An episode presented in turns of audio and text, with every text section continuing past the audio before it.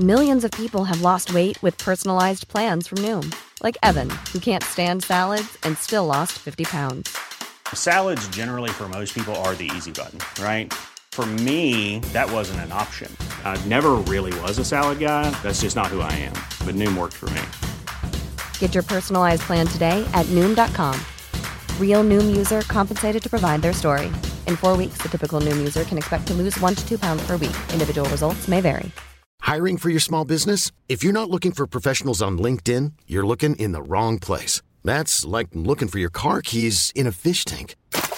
LinkedIn helps you hire professionals you can't find anywhere else, even those who aren't actively searching for a new job but might be open to the perfect role. In a given month, over 70% of LinkedIn users don't even visit other leading job sites. So start looking in the right place. With LinkedIn, you can hire professionals like a professional. Post your free job on linkedin.com slash achieve today. Hej och välkommen tillbaka till Storytime.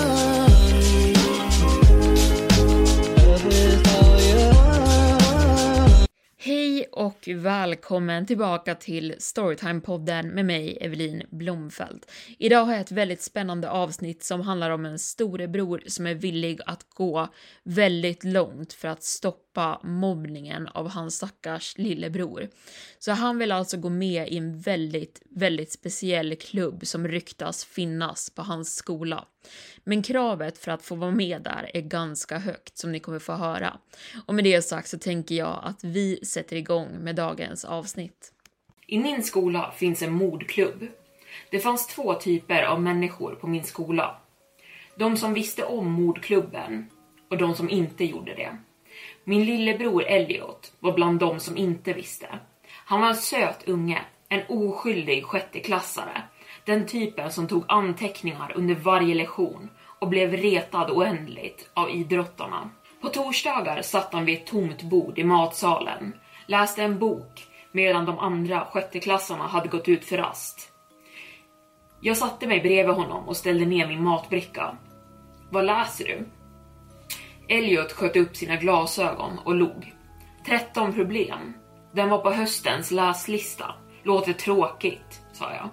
Jag tror faktiskt att du skulle gilla den. Det är en samling av mordmysterier. Jag har gått vidare från mysterier, sa jag och tog en stor tugga av min pizzabit. På riktigt? Vad är nästa steg för dig då? Jag tog en komiskt stor tugga av min pizza och, och log med tomatfläckiga tänder mot Elliot. Riktiga mord. Elliot skrattade. Jag skrattade med honom. Tisdagar och torsdagar från klockan kvart över två till tre var det tid för klubbaktiviteter. Vanligtvis så skulle jag gå på träning med fotbollsklubben. Men den här dagen hade jag något annat att göra. Väntande vid mitt skåp rev jag ut en bit papper från mitt anteckningsblock och tog fram en penna. Jag vill gå med i klubben. Ethan. Skrev jag på den. Försiktigt så att jag inte skulle bli tagen av skolans övervakare gick jag ner till källarvåningen och tog mig till soprummet där mordklubben ryktades träffas. Jag vek ihop lappen och stack in den halvvägs genom glipan under dörren. Efter några sekunder tog någon inne i soprummet tag i lappen. Jag såg den glida under dörren och utom synhåll. Jag kände hur mitt hjärta slog lite snabbare när jag skyndade upp för trapporna och tog mig ut på fotbollsplanen. Efter träningen hittade jag en lapp tejpad på insidan av mitt skåp. Jag vecklade ut den för att hitta ett kort meddelande i en obekant handstil. Det enda sättet att gå med i klubben är att döda en av oss. Se det som ett invigningstest. Stod det på lappen. Min mage vreds av tanken på att ta någons liv. En sjuklig spänning som jag hade förberett mig för. Jag knöt ihop näven runt lappen och tryckte ner den djupt i min ficka. Game on, mumlade jag för mig själv. När du väl var en av de som visste om mordklubben var det ganska enkelt att dra slutsatsen om vem som var med i den. Eftersom att de mystiskt försvann under tisdag och torsdagsklubbperioderna och lärarna aldrig kunde hitta dem någonstans. Jag beslutade att det skulle vara lättast att plocka av André, den tysta killen i sjätte klass. Han delade sitt lunchbord med resten av de udda typerna i skolan. Antingen stirrandes och leende åt ingenting eller lekandes med en kortlek. Ibland höll han ut den fläkta leken till killen bredvid honom, som att han skulle utföra ett trolleritrick. Det fick vissa att tro att han var med i trolleriklubben, men jag kollade och hans namn fanns aldrig med på den listan. Så på måndagen kom jag till skolan med en påse råttgift i min ryggsäck. Inte den sorten som kom i pellets, utan det rena vita pulvret som var farligt att ens andas runt. Under lunchen tömde jag hela påsen i ett glas vatten och bytte ut glaset med Andreas medan han tittade bort. Dumma unge tänkte jag för mig själv. Det var som att han inte visste att jag var ute efter honom. Under resten av lunchperioden kunde jag knappt äta av den illamående förväntan jag kände. Jag höll ögonen på Andreas bord, väntade på att han skulle ta en klunk av sitt glas. Vad tittar du på? frågade Elliot. Inget, sa jag snabbt. Jag tittade tillbaka på honom och märkte blåmärkena på hans kind. Vad är det där? Didrik Gren sa att jag stirrade på Katja konstigt, mumlade han. Jag knöp mina nävar. Elliot, du kan inte fortsätta låta folk mobba dig. Han suckade. Vad ska jag göra då? Jag bet mig i läppen. Jag hatade Elliots plågoandar. De bröt hans glasögon, bröt hans näsa. Ibland skulle cheerleaders till och med göra en lek av att krossa hans hjärta. Jag försökte hjälpa honom, men det fick dem bara att reta honom ännu mer. Den spinkiga lilla nörden som behövde sin storebror för att rädda honom från trubbel. Elliot såg förväntansfullt på mig, med hans glasögon sneda på hans snett lagda näsa. Det fanns ingenting jag kunde säga till honom, men i mitt huvud sa jag till honom att vänta. Bara vänta tills jag är med i mordklubben. Lyckligtvis, innan tystnaden mellan oss blev för lång, avbröts röran i matsalen av kvällningar och ett högt slammer och rop av alarm. Jag vände huvudet långsamt. Elliot drog efter andan. När jag riktade min blick mot Andreas bord förberedde jag en liknande fejkad reaktion av förvåning. Men kroppen på golvet var inte André. Det var killen som alltid satt bredvid honom, Gustav, med sina blonda lockar utbredda på golvet i en smet av rött kräks. Andreas satt fortfarande på sin plats, tittade rakt på mig och log. Jag svalde. Han måste ha vetat att det var något i hans glas. Han måste ha bytt ut det med Gustavs. Jag hade ställt in mig på att han var dum. Självklart var han förberedd på mitt drag. Men sedan, som att han läste mina tankar, höll André upp sitt glas, fortfarande fullt till bredden. Jag tittade på Gustavs bricka. Han hade inte fått ett glas vatten åt sig själv, bara en kartong mjölk som nu låg på golvet. Gustav krampade på golvet, hostade blodfläckig mjölk. André tog en lång klunk från sitt glas, sen tittade han tillbaka på mig, log och gjorde en liten bugning, som en trollkar efter sin akt. Sirenerna tjöt utanför fönstren och ambulanspersonalen kom till matsalen snabbt. Men jag visste hur mycket gift jag hade använt. Gustav var död. Skolan stängdes efter den händelsen och Elliot sa till vår mamma och pappa att det kanske var dags att vi skulle byta skola. Kanske till någonstans i den större staden närmast oss. Han hade tagit upp ämnet några gånger tidigare. Som när Cecilia hittades flytande längst ner i poolen för några månader sedan. Och när Liam hade ramlat ihop förra sommaren på bollspelet. Och när Ricky hade kvävt till döds mitt i sin presentation i mars på Vetenskapsmässan. Jag hade också föreslagit att byta skola när jag var mindre och mer rädd. Men det fungerade aldrig. Våra föräldrar skakade alltid på huvudet och sa att skolan var den bästa skolan i området i den här konstiga monotona rösten. Som om elever som mördades på månadsbasis inte var något att oroa sig för. Så vitt jag kunde se gjorde alla andra elevers föräldrar samma sak. Ingen lämnade någonsin skolan. Inte eleverna, inte ens lärarna. Några viskade om att det var en förbannelse. När skolan öppnades igen var alla som var vid liv fortfarande där. Medan de som inte visste om mordklubben försökte glömma Gustavs bleka ansikte och röda ögon. Så vände sig de som visste diskret sina huvuden till medlemmarna i klubben när de passerade i korridorerna. Deras tysta slutsats var att mordklubben hade dödat Gustav Precis som alla andra mystiska dödsfall som inträffade på skolan. Vad mig beträffar öppnade jag mitt skåp för att hitta en ny lapp tejpad uppe på insidan. Vi uppskattar ditt försök. Försök igen, stod det. Jasmin i sjunde klass var bara känd för vissa som trädgårdsflickan. Om hon någonsin skaffade vänner övergav hon dem alltid för att vårda trädgården längst bak på skolan under lunchrasten. Vissa skämtade om att hon var närmare hönsen än människorna, men de visste inte att varje gång hönsen i hönsgården blev gamla var det Jasmin som slaktade dem och gjorde kycklingsoppa till trädgårdsföreningen. Jag är säker på att trädgårdsföreningen bjöd in henne att gå med många gånger, men hon dök aldrig upp om det inte var för soppan. På måndagen väntade jag i spänning i trädgårdens skjul. Svettiga händer omfamnade handtagen på ett långt, rostigt par trädgårdssaxar. Snart började jag höra fotsteg komma ner längs grusvägen. Jag tryckte mig mot väggen och försökte lugna min andning. Dörren knallade upp.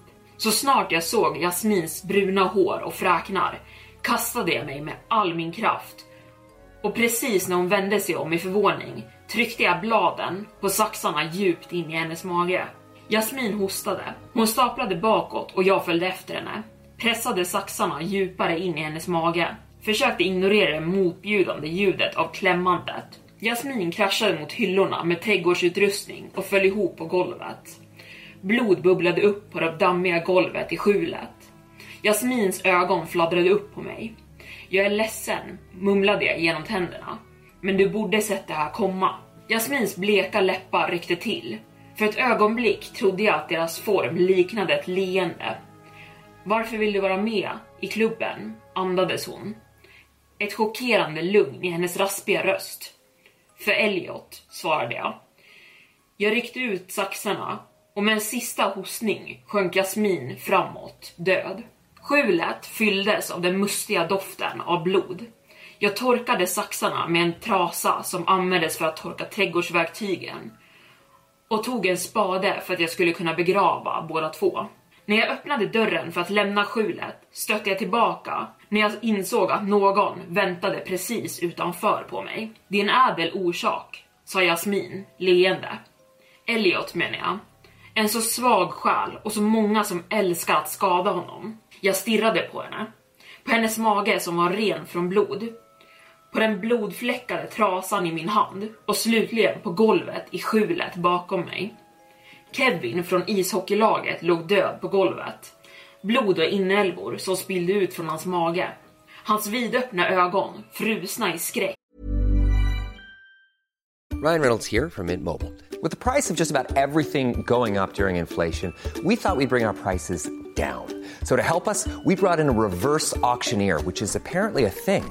Mint Mobile unlimited premium wireless. Ready to get 30, 30, bit to get 30, bit to get 20, 20, 20, bit to get 20, 20, bit to get 15, 15, 15, 15 just 15 bucks a month. So, Give it a try at mintmobile.com/switch. slash $45 upfront for three months plus taxes and fees. Promo for new customers for limited time. Unlimited more than 40 gigabytes per month. Slows. Full terms at mintmobile.com. If you thought the only way to get a more defined jawline with natural looking results was through surgery, think again. Juvederm Volux XC is a non surgical injectable gel filler that improves moderate to severe loss of jawline definition and can help you achieve natural looking results with little downtime. Even better, this improved definition lasts up to one year with optimal treatment. No maintenance required. Improve jawline definition for a smooth, sculpted look with Juvederm Volux XC. For important safety information and to find a licensed specialist, visit juvederm.com. That's J U V E D E R M.com. Not for people with severe allergic reactions, allergies to lidocaine, or the proteins used in Juvederm. Common side effects include injection site redness, swelling, pain, tenderness, firmness, lumps, bumps, bruising, discoloration, or itching. There's a risk of unintentional injection into a blood vessel, which can cause vision abnormalities, blindness, stroke, temporary scabs, or scarring. Talk to a licensed specialist to find out if it's right for you.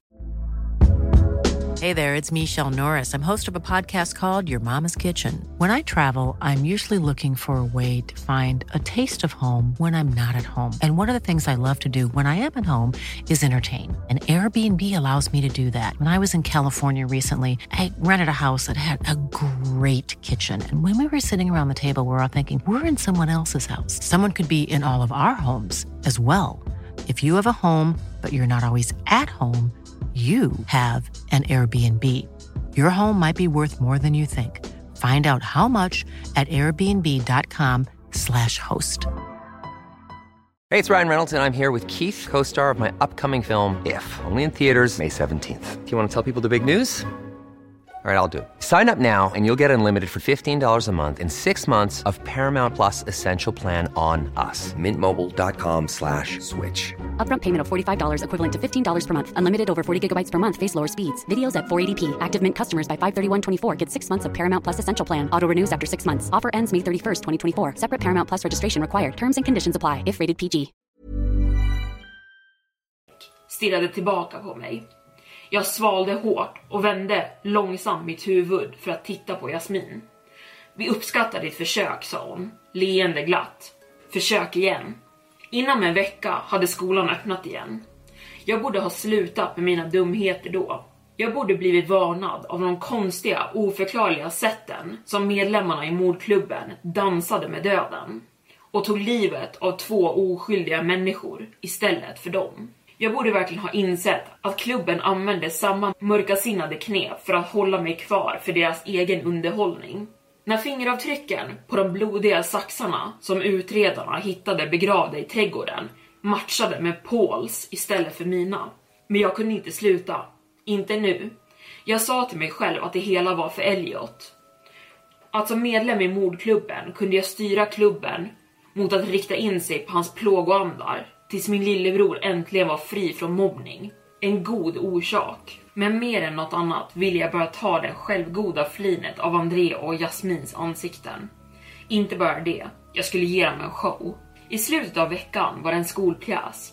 En uppsättning av de första tre akterna av Julius Caesar. Jag planerade att döda den tredje och sista medlemmen av mordklubben där och då. Nico var en teaterunge Även om han bara gick på eftermiddagsrepetitionerna och aldrig dök upp på själva mötena. Han satt bakom mig i historieklassen och ibland kunde jag nästan känna hur han betraktade mig. Nico skrattade som en psykopat, vanor som blev ännu läskigare av hans intensiva blick som aldrig bröt ögonkontakt. Trots hans oroande uppträdande behärskade han scenen i teatern, som att han faktiskt besatt tusentals personligheter och kunde anta vilken som helst av dem så länge det stod i ett manus. I den kommande pjäsen skulle han ta på sig rollen som Julius Caesar, den ärorika romerska generalen som skulle knivhuggas till döds av 23 senatorer i pjäsens klimax. Jag planerade mina drag mycket noggrannare den här gången. Bestämde att inte avslöja var och hur jag hade bestämt mig för att slå till. Jag smög in bakom scenen dagarna före föreställningen undvek scenarbetarna och studerade rekvisitan. Knivarna som senatorerna skulle använda för att sticka Caesar var utformade som den klassiska leksaken som används för skämt, med falska aluminiumblad som drogs tillbaka i skaftet när bäraren högg dem med något. Med några droppar superlim och lite slipning blev rekvisitan lätt vapen som lätt nog skulle kunna genomborra kött. Tidigt på morgonen på föreställningen modifierade jag noggrant var och en av de 23 knivarna och smög tyst tillbaka dem i sina fack. Händerna skakade av förväntan när jag återlämnade dem tillbaka till rekvisitabordet innan skådespelarna strömmade in bakom kulisserna. Den två timmar långa pjäsen var ett plågsamt väntande. Jag kollade ständigt på Elliot som satt nära framsidan med sina klasskamrater i sjätte klass. En del av mitt samvete verkade komma tillbaka från den kalla och beräknade dimman när jag tänkte på min lillebror som tvingades bevittna den plågsamma, smärtsamma död jag hade planerat för Nico. Mitt hjärta slog snabbare och snabbare och en sjuklig känsla bosatte sig i min mage. Men när jag desperat önskade att jag kunde backa ur var det redan för sent. Nico, kunglig och vacker i sin mörkröda kappa och lagkrans, gick ut på scenen mellan kartongpelarna i senaten för den sista scenen. De väntande senatorerna drog sina knivar och en efter en stack de dem snabbt i Nikos bröst. Jag trodde att de skulle sluta efter första synen av blod, men när bladen trängde igenom det vita linnet tunikan och gick djupt in i varmt kött blinkade inte ens skådespelarna. De fortsatte att hugga, en efter en. Stötte sina knivar i Niko, till synes omedvetna om blodet som sakta färgade hans kostym och strömmade ner för hans ben. Och publiken rörde sig inte ens. Inte ens när lukten av blod började spridas i aulan. Inte ens när Nico staplade och föll bakåt på scenen med ett blött klapprande. När jag tittade runt tittade alla runt mig på scenen med glasartade ögon som nästan såg livlösa ut. Nico ryckte tyst på de blodfläckade C-plattorna.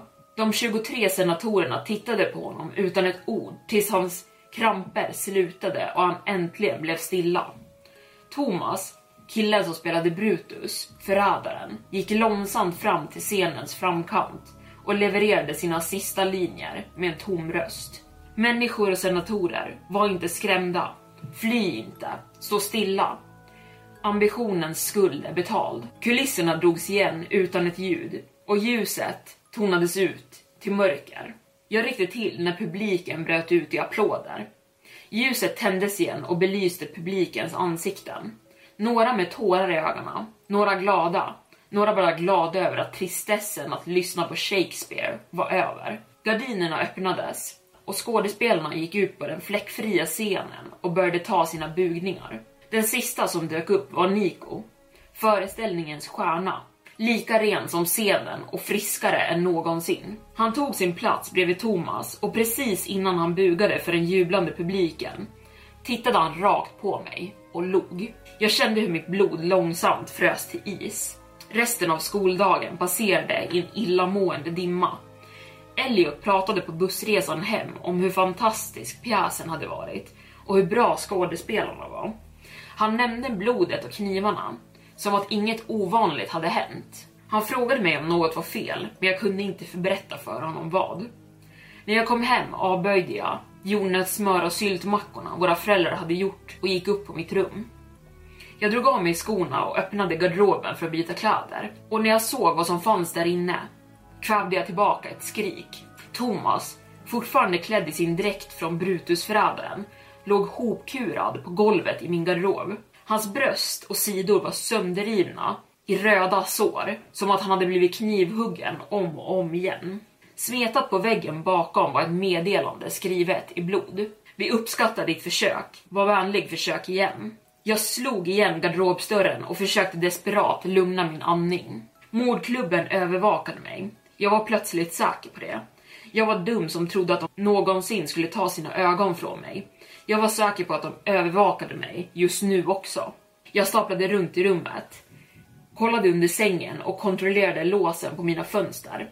Försökte ignorera den röda fläcken som långsamt spred sig på golvet under garderoben. Sedan låste jag min dörr och spenderade tiden fram till solnedgången med, med att försöka skrubba bort fläcken från golvet. Vägrade att öppna garderobsdörren även när fler blodsdroppar sipprade ut. Mina föräldrar och Elliot måste ha lagt märke till blekheten i mitt ansikte vid middagsbordet. De gav mig oroade blickar. Men det fanns inget jag kunde berätta för dem. Jag tryckte i mig potatismoset och ärtorna och drog mig tillbaka upp till mitt rum. Där jag återigen gick till att frenetiskt skrubba på fläcken som spridit sig genom hela garderoben nu. Några timmar måste ha gått tills jag somnade. Jag minns inte ens hur jag hamnade i sängen. Men när jag vaknade låg jag under täckena. Det var fortfarande mörkt. Kanske tre, fyra på natten. Och jag hörde ljud. Vi uppskattar ditt försök, viskade någon. Var vänlig, försök igen. Jag satt plötsligt upp, redan skakande. Vem är det? Rösterna fnissade. Försök igen Ethan. Var vänlig, försök igen. Jag kände hur jag blev blek. Stående vid foten av min säng fanns tre gestalter. Med tre uppsättningar tänder som glödde i månljuset när de log mot mig. André, Jasmin och Nico samlades runt mig och betraktade mig som att jag var deras byte. Sen såg jag i Jasmins armar, liten och tunn, Elliot. Jag flämtade till. Vad, vad har ni gjort med honom? Jasmin fnissade. Ingenting, sa hon. Ingenting än. Vad vill ni mig? Nico flinade.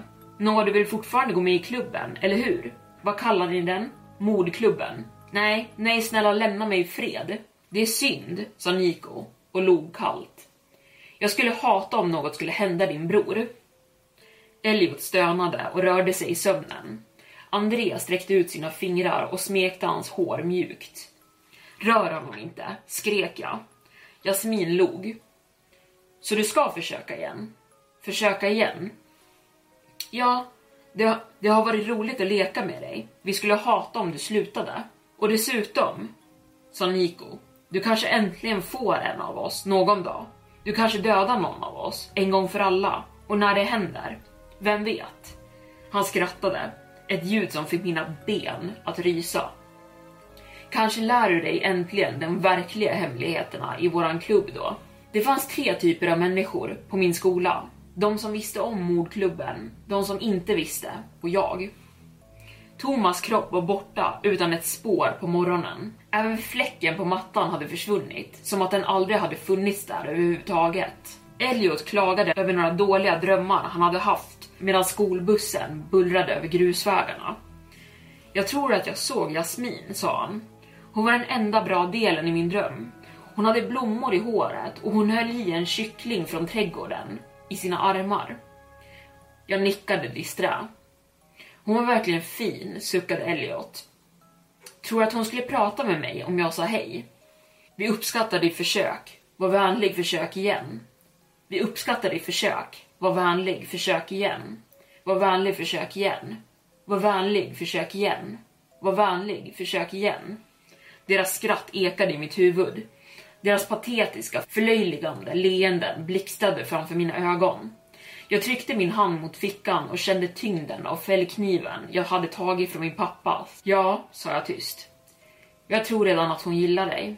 Och där var Storytime slut för denna gång. Vad tyckte ni om den då? Det kändes ju lite övernaturligt hur de lyckades lura honom och nästan lura döden hela tiden, så att det kändes som någon slags sekt med något övernaturligt mörker mer än att de bara kom undan honom hela tiden. Men det var ju tappra försök.